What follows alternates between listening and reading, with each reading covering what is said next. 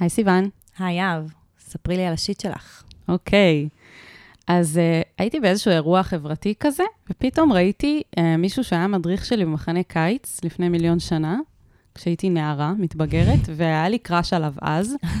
ותכלס, כאילו, מאז אני כזה, את יודעת, קצת כזה, לא, לא עוקבת עוקבת, אבל כזה, את יודעת, הוא כזה כתב ספרים, עשה כל מיני דברים, כזה, פעם הייתי קוראת את הבלוג שלו וזה, ואני כאילו עדיין כזה, וואי, הוא כזה מגניב, הוא כזה... לא עבר לך. כן, לא, לא באמת עבר לי, כאילו, כאילו, את יודעת, עבר לי, אבל כזה. ואז הוא ראה אותי, והוא כאילו לא ראה אותי שנים. והוא אומר לי, וואי, מה קורה, וזה, היי. אפילו בהתחלה לא זיהיתי אותו.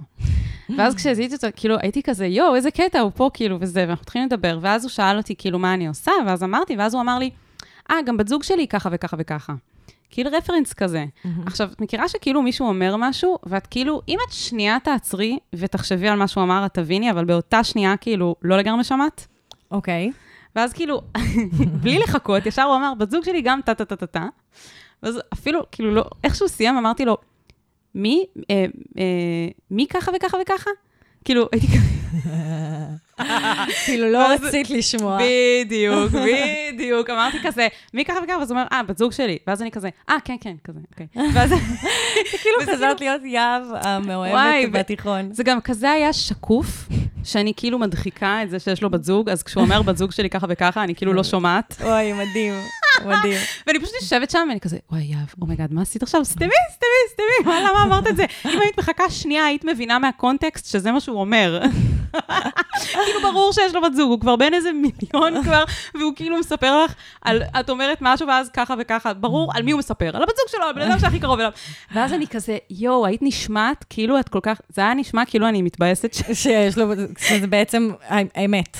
כן, לא, כאילו, הרגשתי שקופה כזה, את מגיעה שכאילו כן. אפשר לקרוא אותך כמו ספר? כן, הבאת את הפגיעות שלך כן. החוצה. עכשיו, בדרך כלל כשאת שומעת שלמישהו יש בת זוג ואת כאילו מתבאסת על זה, אז את עושה את המאמצים הכי גדולים שהוא לא ישים לב, ואת כן. מתנהגת כאילו הכל קול והוא לא אמר כלום עכשיו.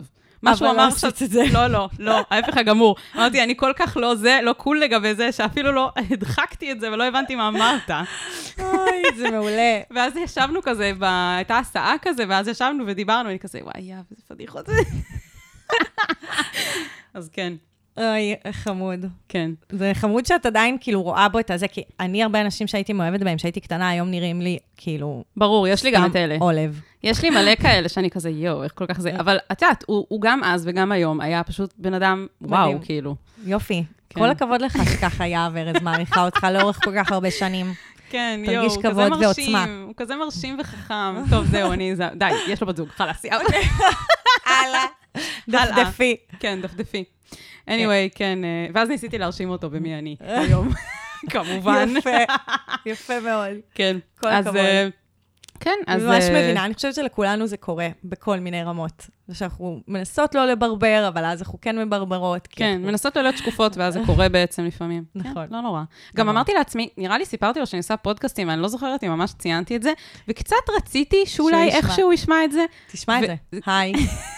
היי, בחור. שיהב מאוהבת בו פעם. מצחיק, נראה לי אחותי שמאזינה קבוע, יודעת במי מדובר, כי גם היא הייתה חניכה שלו וגם היא.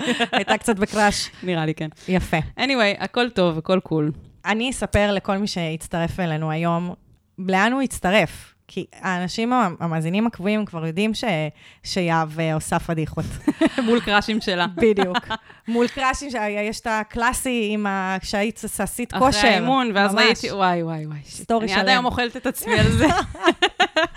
בקיצור, הגעתם ל shit של אחרים, עצות לחיים עצמם. כאן אנחנו נותנות עצות. לפני שאנחנו נותנות עצות, אנחנו קצת תומכות, מחבקות בצורה וירטואלית, ואז אנחנו נותנות עצות שוות זהב לפניות שלכם, שהן פניות אנונימיות, אה, כי הן הם קצת, למרות שאת הבאת פה פגיעות גדולה, יהב, הייתי יכולה, הייתי יכולה לקבל את זה בצורה גם אנונימית. כל הכבוד לך. כל הכבוד שהבאת את עצמך בצורה החשופה הזאת. תודה, תודה. אז uh, נתחיל? יאללה, נתחיל. אני ממש צריך את ה... אני ממש צריכה את ה... מה אני יכול לעשות במצב כזה?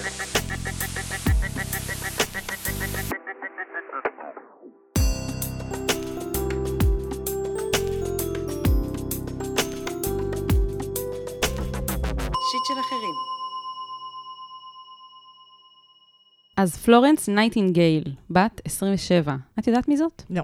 אוקיי, דמות שאף אחת מאיתנו לא מכירה, אה, אנחנו shit, נגלה. לא, גיל... לא גיגלנו. זה בסדר, זה בסדר, הנה, זו ההזדמנות של המאזינים והמאזינות. לתקן אותנו לנו. ולזעום עלינו שלא התבררנו את זה לפני. כן, אז uh, פלורנס מספרת לנו ככה. אני אחות חדשה יחסית, והתחלתי את דרכי בבית החולים, במחלקת ילדים ספציפית, שיש עליה סטיגמות של מחלקה לא פשוטה. האמנם יש דבר כזה מחלקה פשוטה? כשחברים שואלים אותי על העבודה ואני עונה בכנות, אני מרגישה שהם מרחמים עליי, או שיש להם מין הערכה מוגזמת על פועלי, מה שגורם לי לספר להם רק על החלקים הטובים, במרכאות, בעבודה ולהשמיט המון. אפילו חברים שהם אחים, לפעמים אומרים, אין סיכוי שהייתי יכול להתמודד עם דברים שאת עוברת. לא, כי אתה ממש עובר חיים של דבש בטיפול נמרץ לב ילדים. ואני עונה בלב, איזה מזל שאנחנו שונים ואתה יכול להתמודד עם דברים שאני בוחרת שלא, והפוך.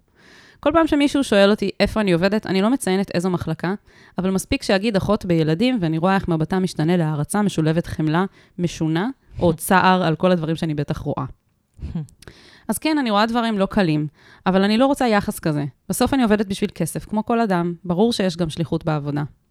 לאחרונה קרה אירוע שהפגיש אותי חזיתית, בעל כורחי, עם המורכבות והקושי הייחודיים למחלקה הזו. ולקח לי כמה ימים לאבד אותו ולבכות אותו החוצה. תודה לאחיות שאיתי במחלקה, שהן בעלות יכולות הכלה ואמפתיה מטורפת. מאז התחלתי לחשוב בעצמי שאולי העבודה שלי לא קלה לי. באמת לא הרגשתי שקשה לי עד אז. עכשיו אני מוצאת את עצמי, מנסה להתמודד עם מה שאני נראית כלפי חוץ ומה שאני עוברת מבפנים, תוך כדי ניסיון לשכנע את עצמי שאני לא עובדת יותר קשה מכל אחות אחרת, ומפחדת שאם לא אצליח להשתכנע, לא אוכל לקום לעבודה ברצון. עולות תהיות נוספות לגבי העבודה בכללי, בבית חולים, אולי המשמרות מחרבות לי את היכולת לנהל חיי זוגיות טובים, אולי לא יהיו לי ילדים לעולם, כי אני רואה מה יכול לקרות להם. תהיות, האם אני נמצאת במקום שאני גם מקבלת סיפוק וכסף מספיקים כדי לעבור את מה שאני עוברת? האם בחרתי במקצוע הנכון, והאם מהסיבות הנכונות? האם אני משמעותית בעבודה, בעולם? האם המשמעות שלי תלויה בעבודה שלי? כמה שאלות גדולות. ממש. וואו, איזה פנייה טובה, לגמרי, כאילו, הפנייה הכי חשובה בעולם.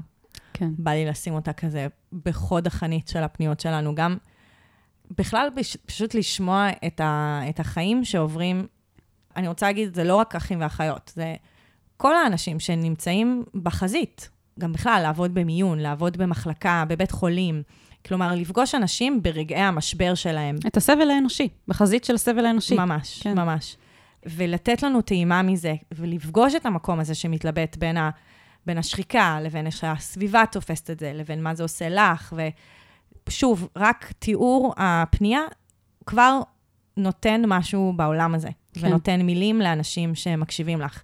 אני גם יודעת את זה, כי הבאנו, הבאנו פנייה של חברה שלי שנמצאת במצב דומה, והיא אמרה בעצמה שכשהיא שמעה את הפנייה שלה, זה כבר נתן לה תוקף על מה שהיא מרגישה. מדהים. אז, ממש. אני רוצה להגיד שאני מאוד מזדהה, כמו הרבה פעמים, הרבה פניות, אה, מכיוונים קצת אחרים, אבל כאילו אני, בשתי העבודות האחרונות שלי, היו הרבה מהדברים שאת מתארת, כאילו כן. של להיות בחזית, להיפגש עם חזית הסבל האנושי, ואני ממש ממש מבינה את מה שאת אומרת על כזה, איך אנשים מסתכלים עלייך כשאת אומרת שאת עובדת במשהו, והם ישר, כאילו, המבט משתנה, והם כזה, וואו, או, וזה הדבר שהכי מעצבן אנשים מסוימים. אותי, לי זה לא כזה מפריע, אבל יש אנשים שזה נורא מעצבן אותם, שאומרים, וואי, את עושה עבודת קודש. כן. זה כאילו אה, מרגיש להם, כאילו, די, לא, אני, כאילו, זה העבודה שלי, וכזה, נכון שזה קשה, אבל זה לא עבודת קודש, כל עבודה היא חשובה, כאילו. כן. ואני חייבת לציין שכאילו, זה מרגיש לי כאילו יש פה שתי התמודדויות. יש פה את ההתמודדות של איך אנשים מגיבים, ומה זה עושה לך, ואיך זה מטפטף פנימה גם. זה כאילו מהמם. מחלחל כל המבט המלא בצער על מה שאת כאילו בטח רואה, ואת ה... איך את מנהלת שיחה, שיחה עם אנשים על מה את עושה ביום-יום. נכון. שזה כאילו תמיד שיחה כבדה, אני כל כך מכירה את זה, זה כאילו, שואלים אותך, "מה- אז מה את עושה? ואז את אומרת, וישר נכנס לשיחה ממש כבדה, ואת לא תמיד רוצה לנהל שיחה כזאת כבדה כשאת מכירה בן אדם לראשונה. נכון. אה, ומצד שני, יש גם את המצב הפנימי שלך, שאת באמת שואלת את עצמך שאלות על כאילו, איזה מחיר העבודה הזאת גובה ממך. נכון. אני אגיד, א', שאני הבאתי ככה שתי uh, תומכים בפנייה הזאת. אז גם uh, הבאתי את אופיר, שאנחנו עוד מעט uh, נשמע את מה שהיא אומרת, uh, שהיא uh, היא פיזיותרפיסטית שעבדה במחלקת ילדים. וכאילו, אז ממש כאלה. הנה, ראית, אפילו אני עשיתי את ה... וואו, וואו. בדיוק התגובה שלא רצינו. ממש. וגם הדר, בן הזוג שלי, הוא פסיכיאטר, זה העבודה שלו. אני אגיד בהקשר הזה, של מה מספרים ומה לא, שלפעמים אני אומרת להדר, אני לא מסוגלת לשמוע מה אתה עובר. והיא אמרה את זה, ואני מרקרתי את זה בפנייה שלה. היא אמרה, איזה מזל שאנחנו שונים, ואתה יכול להתמודד עם דברים שאני בוחרת שלא, והפוך. וכאילו בא לי להגיד שהדברים שאנחנו יכולים להתמודד איתם, הם הכישרון שלנו. כי אני, נגיד אני חושבת על זה שאני מדברת על מיניות, מה זה לפרטי פרטים, פרטים, פרטים. זה כישרון. נכון. יש אנשים שזה שותל אותם באדמה לדבר ל- ל- על פוט ברמה כאילו נכון. הכל כך ספציפית שאני מדברת עליה. ו- והם לא עושים את זה, וזה בסדר. כן. ו- ויש אנשים שיש להם, היה לי בן זוג שהוא היה ממש טוב עם- הגיל השלישי, Mm, ו- ו- ובכלל עם, עם, עם זקנה.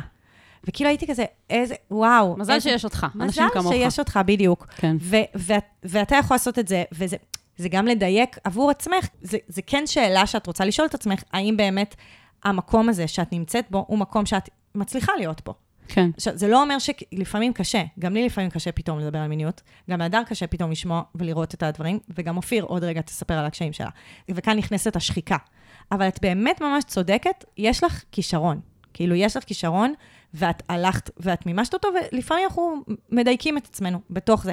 ולפעמים אנחנו ממננים, מלשון כאילו מינון. כן, את, את כמה אנחנו במפגש ובאיזה אופן, ומה אנחנו צריכים.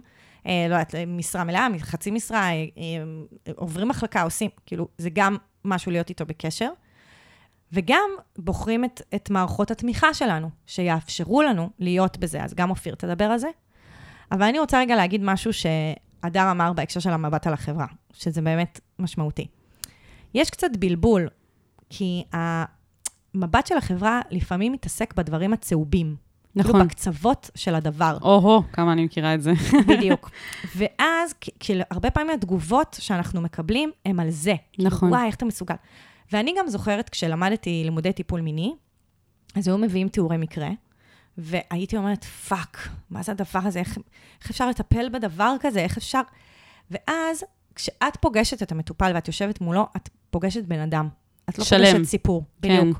את לא פוגשת את הקצה הזה, את הקצוות הצהובים, של אה, היה לי מטופל שאונן בצורה הזאת, וכמה זה... לא, זה בעצם, את פוגשת, ו- וכשאת פוגשת, כשאת נמצאת בחזית ואת פוגשת בן אדם, אז גם יש לך הרבה יותר יכולת להכיל את הדבר הזה שהבן אדם עובר. להכיל מ- כמו מכלול, את רואה את כל המכלול. ממש, מדהים שזה מתקשר. ממש. כן, אני ממש מכירה את זה, וגם, אני חושבת שכאילו כשאנשים מגיבים בצורה מסוימת, יש איזה מסר שהם היו רוצים לתת, ולפעמים יוצא להם קצת עקום.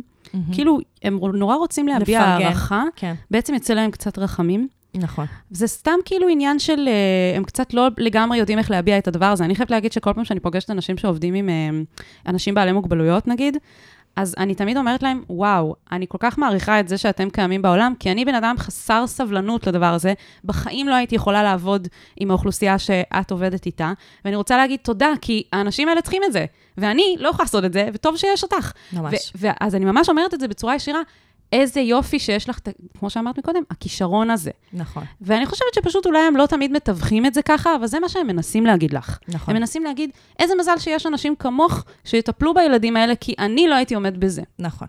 בדיוק, זה, זה, זה, זה פשוט להגיד לך תודה, כאילו, שאת עושה את זה, כי צריך מישהו שיעשה את זה. נכון. מגיע לך. כן. אז בואו נשמע קצת את מה שאופיר אה, אמרה, כי זה מאוד מאוד משמעותי. היי פלורנס, כל כך התרגשתי לקרוא את הפנייה שלך, בגלל שכל כך הזדהיתי. אז איזה כיף לי שיש לי הזדמנות להגיב לך, תודה רבה. אני עובדת עם ילדים ועבדתי במחלקת שיקום בבית חולים, מהקשות והמורכבות בארץ. אה, אני מאוד מבינה אותך על התגובות שאת מקבלת מהאנשים. עצם זה שהייתי אומרת שאני עובדת עם ילדים כבר הוביל למבט אה, קצת מרחם וקצת מבועת. וכשהמשכתי שמדובר על המחלקה הספציפית הזאת ועוד בבית חולים, זה התווסף לזה עוד משפטים כמו איך את עושה את זה, זה בטח הכי קשה בעולם, איך את מתמודדת, דברים שהעמיסו עליי מאוד, אה, כי הבנתי שבעצם לא רוצים כל כך שאני אספר, לא מעוניינים כל כך לשמוע את הפרטים, זה דברים שלעולם החיצון ולמי שלא כל כך מנוסה או מבין, נשמע בעיקר מפחיד ומטריד. ולהבין את זה, זה גם אומר שבעצם קשה לשתף בפרטים, ומאוד מהר הבנתי שאת הסביבה הקרובה שלי אני לא יכולה לשתף. זו תחושה מאוד קשה, תחושה קצת מבודדת. בעצם אני חווה המון דברים בהתמודדות ביום-יום שלי, ואני חוזרת הביתה ולא כל כך רוצים לשמוע. אה, אז בהתחלה זה העליב אותי, וגם היה לי מאוד קשה להתמודד עם זה. בהמשך מאוד הצלחתי להבין ומצאתי פתרונות, שהפתרון המרכזי שלי, ואני חושבת שגם את קצת הבנת אותו, היה פשוט להיעזר בצוות. בסוף הן הבינו אותי הכי טוב, הן יודעות בדיוק מה קורה, והוותיקות יותר ידעו כבר להכיל אותי באיזושהי צורה אחרת, וגם אפילו לתת לי טיפים איך להתמודד. וכל מי שסביבי יכול היה לשמוע את זה, ולהתאו... ואני יכולתי להתאוורר מזה, בלי שזה יציף ויפגע. Uh, בנוסף, לי הייתה קבוצת תמיכה בשנתיים הראשונות שלי בעבודה בבית חולים. אני ממש ממליצה לך לבדוק, אולי יש לך גם אחת כזאתי. בכל בית חולים יש פסיכולוג, בבית סוציאלי הרבה פעמים הם uh, מקיימים קבוצות של uh, צוות מתחיל צעיר, וזה מאוד עוזר. זה בעצם מין מעגל תמיכה כזה אה, כולל, שמאפשר גם אוורור וגם שיתוף, והרבה פעמים גם נותן כלים להתמודד. השנתיים הראשונות בתפקיד, השנה הראשונה בעיקר, אבל השנה השנייה גם, הן שנתיים קשות, החוויות שחווים יכולות להיות חודרניות, אה, המשפחות והסיפורים של הילדים נכנס ללב, לחלומות. קשה שלא לקחת את זה הביתה. וקשה שזה לא ישפיע. אני יכולה להגיד לך שזה ממשיך, אני מצטערת, אבל זה פחות חודרני עם הזמן, זה פחות תוקפני, ויש יותר כלים להכיל ולהתמודד עם זה. התדירות נמוכה יותר, העוצמות נמוכות יותר, ובעיקר יש יותר כלים איך להכיל את הדבר הזה, את הקושי שיש. בסופו של דבר גם אני וגם את יודעות שמעבר לקושי יש גם המון המון דברים טובים, והעבודה מכילה בה מגוון נורא נורא רחב, זה בעצם מה שמעניין וכל כך משמעותי בתחום הזה. אבל על לגבי הסיפורים החודרניים והכואבים, הם פוחתים והיכולת להתמודד איתם נעשית טובה יותר. לגבי המשמרות ואופי העבודה, חשוב לי רק להגיד שרוב הקולגות שלי הם אימהות, אם לא כולן, ילדו במהלך העבודה הן נהנות מההטבות שיש במשמרות, בגמישות. הן מסתדרות עם זה טוב, ונהנות מזה. אני בעצמי גם הייתי בהיריון וגם ילדתי את הבת הבכורה שלי תוך כדי עבודה בבית חולים. הרגשתי שדווקא סיפק לי המון כוחות ואפשרות להיות אימא רגועה ומוכנה. מבחינתי זה תרם לי העבודה בבית חולים מאוד. ובקשר להתחיל את הקריירה בבית חולים, זו לדעתי החלטה נבונה ביותר. זה בית ספר למקצוע ברמה הכי מתקדמת, הכי מאפשרת התפתחות. זה דבר חכם מאוד להתחיל בבית חולים מבחינה מקצועית. את בדיוק בפוזיציה לעשות את זה, אז uh, יישר כוח, עשית את הבחירה הנכונה. אני חושבת שאת רגישה מאוד לעצמך, לסביבה שלך ולעבודה שלך, וכל עוד את במצב הזה, זה מצב מצוין. זה אומר שאת יכולה להתפתח ולחקור וללמוד, ושכל הסביבה הזאת תטיב עמך. ברגע שאת מרגישה שהקושי מתגבר יותר מדי, וכבר קשה ללמוד ולהתפתח, וקשה גם לתפקד בבית, שזה בעצם פרמטר משמעותי, זה הזמן בעצם לעצור ולחשוב, ולראות אם זה באמת המקום. ולזכור שבחרת במקצוע כל כך מדהים, עם כל כך הרבה אפשרויות, אז תמיד את יכולה להתפתח למקומות אחרים, ואיזה כיף זה לדעת את זה. זה מדהים. אז אני מאחלת לך את כל הטוב בעולם. להמשיך להיות רגישה וקשובה לעצמך, כי זה מה שחשוב. ברגע שאת במקום הנכון, את גם תעשי את הדבר הנכון, וכל הכבוד. טוב, אז א', היא גם ממש הצליחה לשפוך אור על הרבה דברים, אה, וגם דיברה על ההתמודדות שלה, שאני חושבת כמה זה משמעותי. אה, להבין שיש לך התמודדות, להתמודד איתה. את בדיוק נמצאת בנקודת מפנה הזה של הדיוקים של איך את מצליחה להיות במקצוע שלך, והשאלות האלה שאת שואלת אותן, זה טבעי, זה בלתי נמנע, וזה זה, זה מקום טוב שאת נמצאת בו. זה במקום, מה שנקרא. כן, בדיוק. כן. ו, ועכשיו, אני חושבת שאפרופו מה שאופיר עשתה, כאילו היא נתנה לך איזושהי דרך ללכת בה, אני חושבת שזה זמן עכשיו בעצם לחפש דמויות, אמ, מודלים, שאת רוצה ללכת בעקבותם. בדיוק. אחות uh, ותיקה, שאת רואה איך היא מתמודדת. איזה באמת קבוצה ש, שאת יכולה להתמך בה, קולגה שאת רואה איך היא מתמודדת, כלומר, לקב, להיעזר ו, ולקבל מודלים של העומס הרגשי והשחיקה היא משהו שאנחנו כולנו מתמודדים איתו בכל מיני דרכים. ואני התחלתי לשים לב שאני בעצם מחפשת לאחרונה דמויות ש, שלא נכנעות לעומס הזה, והן שמות גבולות והן לא קורסות. כאילו פתאום אמרתי, רגע, בעצם זה הדמויות שאני צריכה. לא צריכה את, את אלה שמעמיסים על עצמם, שהם עד היום היו המודלים שלי. Mm. ופתאום הבנתי שאוקיי, זה לא משרת אותי כי אני סובלת. צריכה להחליף מודלים או למצוא את המודלים הנכונים. בדיוק. וואי, זה ממש עצה טובה. אני חייבת להגיד שזה מחזיר אותי ל... כאילו... קודם כל, בעבודה הקודמת שלי הייתה לי הדרכה של מישהי שיש את מקצוע, שיכולה גם ללוות אותי בכל השאלות האלה ובקשיים ובמורכבויות שזה מעלה. אני לא יודעת עד כמה זה מתאפשר בכל ארגון, בכל מוסד, אבל uh, אני, זה בא מיוזמתי, אני ביקשתי את זה, וזה התאפשר. וגם אם, אם אולי יהיו אנשים שיבקשו את זה, וזה לא מתאפשר באותו רגע, אני חושבת שהבקשה לעזרה מהמנהלים שלך, או מי, ש, כאילו, מי שעומד בראש הארגון, או מחליט החלטות האלה, קודם כל שתהיה את הבקשה. כאילו, uh, put it out there, שאת צריכה את זה, שאת צריכה איזה אקסטרה עזרה, שאת צריכה איזה נכון. תמיכה. בשלב כלשהו אני מאמינה שזה יגיע באיזו צורה מסוימת. אז קודם כל, לי זה עזר בטירוף, כאילו, את ההדרכה הזאת. וב' לגבי המודלים, אז uh, אני גם רוצה להגיד שכאילו, אני חושבת שזה מה שהחזיק אותי. נכון. Uh, עבדתי במטה למאבק בסחר בנשים ובזנות, יכולים לתאר לעצמכם מה זה מעלה. והייתי מסתכלת באמת על, על, על נשים כמו uh, נעמה גולדברג, שהקימה את uh, עמותת לא עומדות מנגד, שהיא עמותה שמסייעת לאוכלוסיות בזנות, והייתי מסתכלת עליה ואומרת, וואו, כאילו, אני יכולה, אני יכולה מצד אחד להסתכל ולה, בהשתאות, כאילו, של איך היא מצליחה להתמודד עם כל זה. מצד שני, אני גם יכולה כאילו היינו גם בקשר מאוד קרוב, והייתי כאילו באמת מסתכלת עליה ואומרת, מה אני יכולה לקחת מאיך שהיא מתנהלת ומאיך שהיא עושה את הדברים, למרות שאנחנו בגיל שונה ובמעמד שונה ובכאילו פוזיציה שונה בתוך הדבר הזה, בתוך הארגונים. לגמרי. אבל לא, זה אנחנו מאוד עזר לי. חייבים את הדמויות האלה בשביל לעזור לנו לשרוד ב... כאילו, בזה, אני כל הזמן חושבת על המנחה שלי בתזה, פרופסור מאיה לביא אג'אי, שדיברתי עליה הרבה פעמים, והיא ממש, כאילו, בזמן האחרון אומרת לי, אין אף אחד שישמור עלייך מפני השחיקה. רק את יכולה וואו. לשמור על עצמך. איזה בתוך זה. משפט חשוב. ממש. כאילו, היא אומרת, בחברה הניאו-ליברלית, בעצם כל הזמן ירצו ממך עוד. שתעבדי יותר, שתעשי יותר, שתתקדמי יותר, ש... שכל הזמן ידרשו ממך. ואין אף אחד, אה, לא יהיה אף אחד שיעבוד איתך, שיגיד לך, בואי, קחי הפסקה, קחי לעצמך שעה לנוח, אל תיקחי עוד תפקיד שיעמיס עלייך, אל נכון. תיקחי עוד אחריות. בטח אין, לא במקומות כאלה, שכל הזמן צריכים אותך. כאילו. בדיוק.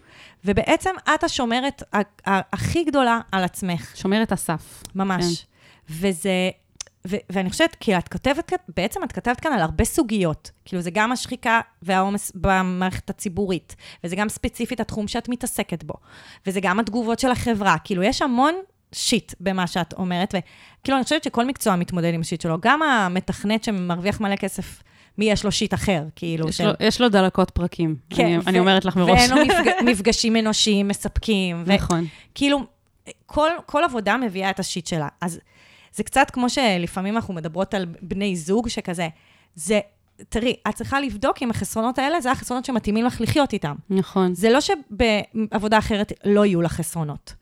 אז, ואת, ואת שואלת את השאלות האלה. נכון. כאילו, זה, ככה סיימת, זה, הש, זה המקום שאני רוצה להיות בו. ובזה לא יהיה לנו תשובה, אבל אני חושבת שהתשובה טמונה בזה ש... בעצם, בעצם להכיר שבכל מקום יהיה איזשהו מינון של סיפוק לעומת, לעומת שחיקה ו, ועניינים כלכליים וכולי, ואת צריכה לדייק מה, מה מתאים לך. כן. וגם אני חושבת שהעובדה שאת בכלל שואלת את השאלות האלה, זה מראה על איזושהי רמת מודעות מסוימת ועל איזושהי רמת כבר, אה, נקרא לזה, כאילו להיות השומרת סף של עצמך, כי אני חושבת שאם לא היית שואלת את עצמך את השאלות האלה, אז הייתי יותר מודאגת. נכון. כאילו, זה מאוד בריא להיות במקום ששואל את השאלות האלה, גם אם את לא מקבלת תשובות חד משמעיות עכשיו, לא מעצמך ולא ממישהו מסביב, אבל גם לשאול אותם, ושהם ימשיכו להיות שאלות, ושאף פעם לא להניח את הדברים האלה בצד ולהגיד, אני לא אשאל את השאלות האלה. כן, תמשיכי לשאול את עצמך את השאלות, האם את רוצה להביא ילדים לעולם לאור כל מה שאת רוצה? תמשיכי לשאול את עצמך את השאלות, האם העבודה הזאת מונעת ממך לפתח מערכת יחסים זוגית, ותעשי את מה שצריך בשביל שזה נכון. כאילו לא, לא יפגע בך בסופו של דבר. כאילו, זה הדבר היחיד שיעזור לך להימ- להימנע מפגיעה ושחיקה, זה להמשיך לשאול את השאלות האלה כל הזמן, ואיך להתמודד עם זה. נכון. אז אה, וואו, איך, אה, איך מסיימים פנייה כזאתי? זה לא ייגמר לעולם, כן, ההתמודדות, אבל אני חושבת שאת בדרך הנכונה, ואת מציידת את עצמך גם בשאלות הנכונות, וגם ב- בכלים התומכים הנכונים. כן, לגמרי. כן. שיהיה הרבה בהצלחה, תספרי לנו מה איתך.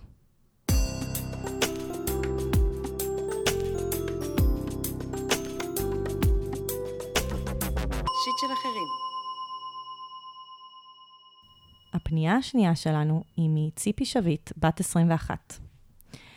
אימא שלי נפטרה לפני כשנה וחצי. בכל תהליך האבל הבנתי כי התפתחה אצלי בעיה. יותר נכון, נוצר פחד מאוד קיצוני מהיקשרות לאנשים, פיתוח תלות וכדומה. הדבר משפיע על קשרים רגילים וגם על מציאת מערכות יחסים זוגיות. אני מרגישה שקשה לי להיקשר לבן אדם, וגם אם זה יתפתח לכיוון רציני, אני ישר אבהל ואנתק את הקשר עם הסבר להרגשתי. הדבר מקשה עליי ביצירת קשרים, מרגישה מאוד לבד.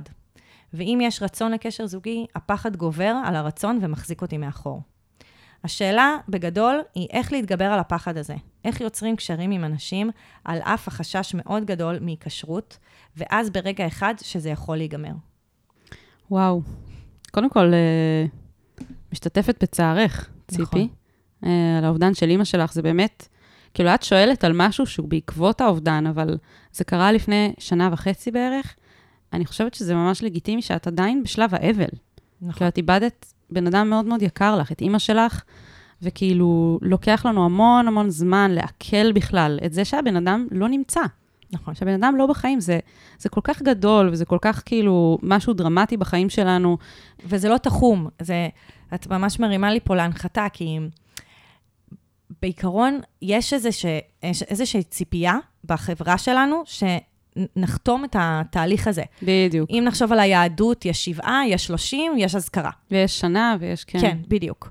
ואם ב-DSM, שזה הספר שמפרט את ההפרעות הנפשיות וכולי, אז הם מדברים על כמה זמן, זה אבל זה דבר כאילו לגיטימי, כמה זה דפוק, כן? אמ, בשלושה חודשים, חצי שנה, כאילו עד מתי מותר להיות מושפעים מאבל. וזה זה לא עובד ככה, נכון. והרבה אנשים, זה, הסבל שלהם, זה זה שאין לגיטימציה יותר לאבל שלהם, ולמה לא התגברתם כבר? כאילו, למה לא עברתם מזה הלאה? כן, אומר, כאילו אומרים, או שהחברה אומרת להם, או שהם אומרים לעצמם. נכון. כי אני חושבת שכאילו, אה, בעצם ציפי, את שואלת פה משהו שנוגע לתוצאות כן. של האבל, ותוצאות של דברים שזה פיתח אצלך, אבל אני הייתי כאילו הולכת אפילו צעד אחורה ואומרת, רגע, כאילו, זה פשוט חלק מהתהליך של האבל בעיניי. זה נכון. כאילו עדיין, עדיין קשה, נכון. עדיין להרגיש את הניתוק, עדיין להרגיש את הגעגוע, עדיין להרגיש את הפחד. נכון. ש, שמישהו כאילו, כביכול נטש אותי. גם, אני רוצה להגיד, כאילו, את בת 21, זה מוקדם לאבד אימא, ואת עדיין, את עדיין קצת הילדה שלה, כאילו, וזה, נכון. ואני לגמרי יכולה להבין את התחושה הזאת שכאילו ננטשתי בעולם הזה מהבן אדם שהוא אימא שלי. נכון. וזה טבעי, זה כל כך נורמלי להרגיש את הפחד הזה שינטשו אותי. כאילו, אני לא יכולה לדמיין אה, איך זה מרגיש וכמה זה קשה, ו- ואני אני חושבת שזה כאילו ייקח זמן, ייקח אולי אפילו הרבה זמן, נכון. עד שתוכלי להרגיש איזשהו משהו קצת יותר אה, בטוח לגבי מערכות יחסים. נכון. אני התייעצתי עם אלה שיר, אה, שהיא גם חברה מאוד מאוד טובה שלי, וגם אה, מטפלת זוגית, אבל בעיקר, היא עשתה קורס במרכז לעבודה סוציאלית, יש, בבית ספר המרכזי לעבודה סוציאלית, יש אה, קורס של שכול ואובדן. אה, וואו. ומלמדים מטפלים בעצם לעבוד עם, עם מטופלים שעברו עברו אובדן.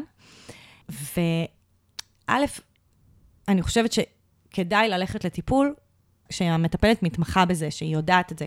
אה, ויש בעצם, כלומר, אז יש מטפלים שאת יכולה לחפש שהוכשרו להיות ב, ספציפית בפוזיציה הזאת. ואנחנו הרבה מדברות כאן על זה שטיפול הוא קשר. וזה לא רק טיפול. כאילו זה, בעצם, יש לך פחד וחשש להיכנס לתוך קשר, שהוא מאוד מאוד ברור. כי בעצם את למדת כרגע שקשר מיטיב ונעים, עם חוויות טובות ואינטימיות שקרו, הם, זה, יש לו פוטנציאל לכאב עצום, עצום, עצום, עצום. כרגע להיכנס למרחב לא כל כך בטוח, כמו dating ו- ו- וזוגיות וכולי, זה, זה שורף וכואב מדי. אני לא חושבת שיש מישהו בעולם הזה שקורא את הפנייה הזאת שלך ולא אומר לעצמו, ברור שזה קשה. כן. כאילו, ברור שקשה לי עכשיו להיקשר. את יודעת, זה, זה הדבר הכי ברור בעולם. עכשיו, ברור שאת רוצה שדברים ישתנו, אבל, אבל זה באמת מאוד מאוד טבעי שיהיה לך קשה להתמסר לקשר אחר. וקשר טיפולי הוא קשר שהוא הרבה יותר אה, מוגן במקומות האלה. הוא מוחזק. יותר בטוח. כן. והוא גם יותר, יש בו גם הבטחה לאורך מסוים, ואת יודעת שגם יהיה לו סוף, אבל הסוף הוא, הוא משהו שאת גם יכולה לבחור בו, ו... כלומר, יש שם הרבה פוטנציאל בתוך המר... הקשר הטיפולי, לעשות שם, כאילו, לעשות עבודה על הקשר, כאילו, ועל ההיקשרות Mm. שאת מדברת עליה. וגם יש את כל העניין של לאבד את האבל ואת הכאב של... כלומר, אי אפשר להיכנס לקשר מבלי שעבר דרך הכאב הזה. כן. ולתת לזה מקום ולהיכנס לזה אחושלינג פנימה. כאילו, זה לא יכול לעבור בלי זה. כן. והיא לא ציינה אם היא הלכה לטיפול, אה, באמת, אחרי, אבל אני חושבת שזה יכול להיות מאוד מאוד משמעותי. כן. אני גם מרגישה שאולי בגלל הגיל שלה, היא אומרת כאילו, היא לא ציינה את זה פה, אבל אולי זה עובר לה בראש, אני לא יודעת. כאילו, אין לנו פה הרבה מידע. לפעמים אנשים גם אומרים את זה. אני מרגישה כאילו אני בתקופה בחיים שכאילו אמורים לעוף על עצמי ולצאת לדייטים ולהכיר גברים וזה, זה כאילו הזמן. ואני רוצה להגיד, אני לא יודעת אם זו התחושה שלך, שאת כאילו מרגישה שאת אמורה להיות באיזה מקום מסוים ואת לא יכולה בגלל האבל שאת נמצאת בו. אני רוצה להוריד את זה ממך. את לא אמורה שום דבר. נכון. וכאילו, איבדת את אימא שלך, וזה בסדר ש... שייקח לך זמן. זה בסדר נכון. שזה יהיה איטי, נכון. עד שתרגישי כאילו ש... שאת מוכנה להכיר uh, גברים ולצאת לדייטים, וזה בסדר, יש עוד, יש עוד המון זמן. נכון. נכון, ואני, כאילו, זה, יש כאן כל מיני דברים שאני רוצה להגיד אותם, שהם אולי, כאילו, כי אנחנו לא יודעות בעצם מה קורה שם. כן. מאחור, מעבר לכמה מילים שהיא כתבה לנו, ואז תיקחי את זה לאן שאת רוצה, אז חשוב להגיד, כאילו, אנחנו לא אומרות עלייך שום דבר, וגם מי שמאזין יכול להרוויח מזה, כי יש כאן עוד שאלות שצריך לשאול. אז גם, יש עניין אה, שלמדתי מאלה, שלא לא הכרתי את זה, אבל בעצם, אה, ככל שקשר היה טוב יותר ומיטיב יותר בזמן החיים, אז יהיה גם יותר קל להתמודד עם האבל שלו. כלומר, הוא יהיה... הוא יהיה מעניין. האבל שלו יהיה פחות טראומטי. זה כאילו, אה, כולם מצפים שזה יהיה הפוך דווקא. בגלל כל הגעגוע, בגלל כן. החלל הזה שנוצר מהדבר הטוב הזה שהיה, שעכשיו לא קיים. אבל נכון. בעצם את אומרת, זה לא ככה. לא, כי זה, זה, זה, זה יותר מורכב, כאילו, ויש לי שם יותר עניינים לפתור. שלא נפטרו אולי. בדיוק. שכאילו לא... שנשארו לא פתורים, בדיוק. ואז יותר קשה לי גם להתאבל, כי יש לי שם מורכבות. מעניין. אז, אז, אז זה גם דבר לשים אותו בטיפול, ושוב, אני לא, יודע, לא דיברת על מה היה טיב הקשר עם אימא, אבל לכאן או לכאן, לדבר גם על הקשר, לא רק על האבל, אלא גם על הקשר עם אימא, כן. זה חלק מהעיבוד של האבל, ש... כאילו, זה ממש חלק בלתי נפרד. עוד דבר זה שהרבה פעמים דברים שאנחנו מתמודדים, מתמודדים איתם בזמן האבל, הם דברים שגם התמודדנו איתם לפני, אבל עכשיו האבל מעצים אותם.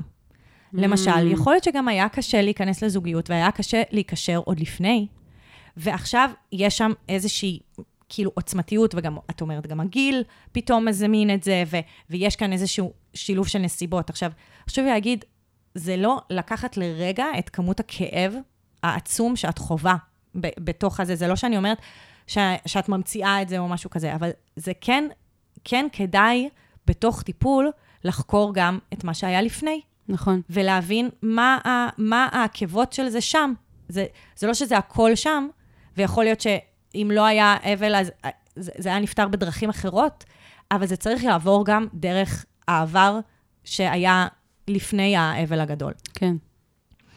אמ, ו, ואני רוצה גם להגיד, כאילו, מהמקום הצנוע שלנו, אנחנו לא נוכל להבין בחיים, אמ, גם, גם אם היינו חוות כזה אובדן גדול, כל בן אדם שחווה אובדן כזה גדול, אה, זה חוויה שאף אחד לא מבין אותי. נכון. אף אחד לא מבין את מה שאני עוברת, כי לאף אחד לא היה את המערכת יחסים שלך היה עם אמא שלך. ו, וזה, וחשוב להגיד שעם כל התשובה הזאת שאנחנו נותנות לך, אין לנו איזה התיימרות לה, להגיד, אנחנו יודעות מה את, את צריכה לעשות. כאילו, מצד אחד זה פודקאסט שנותן עצות, אבל מצד שני, זה, זה דבר עצום, הדבר שאת עובדת איתו, וגם התשובות כנראה נמצאות אצלך, כי את אפילו ידעת להצביע על זה. נכון. כאילו, את באת ואמרת, יש לי קושי להיקשר.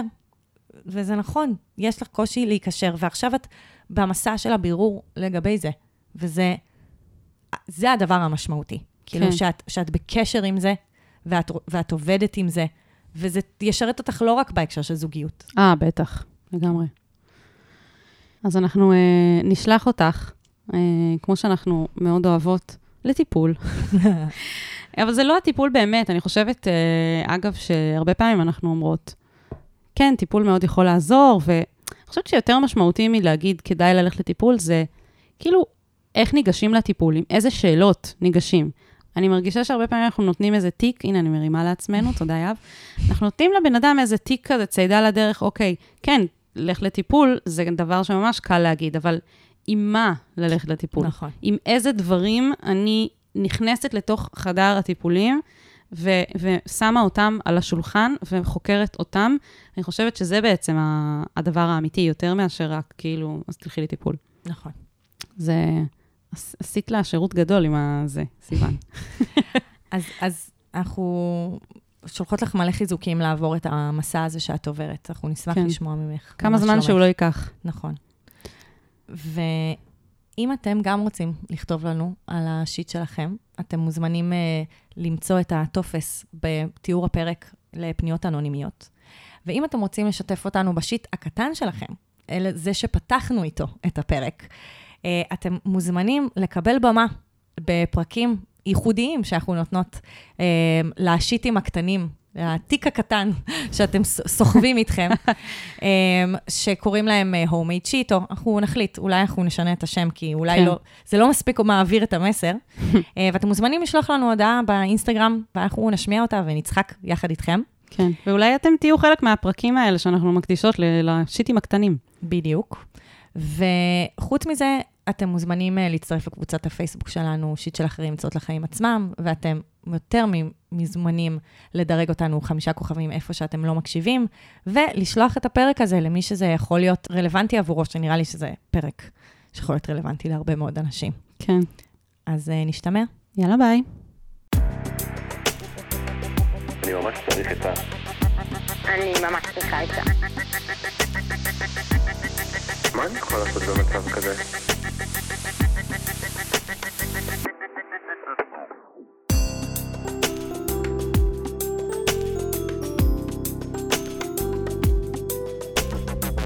של אחרים.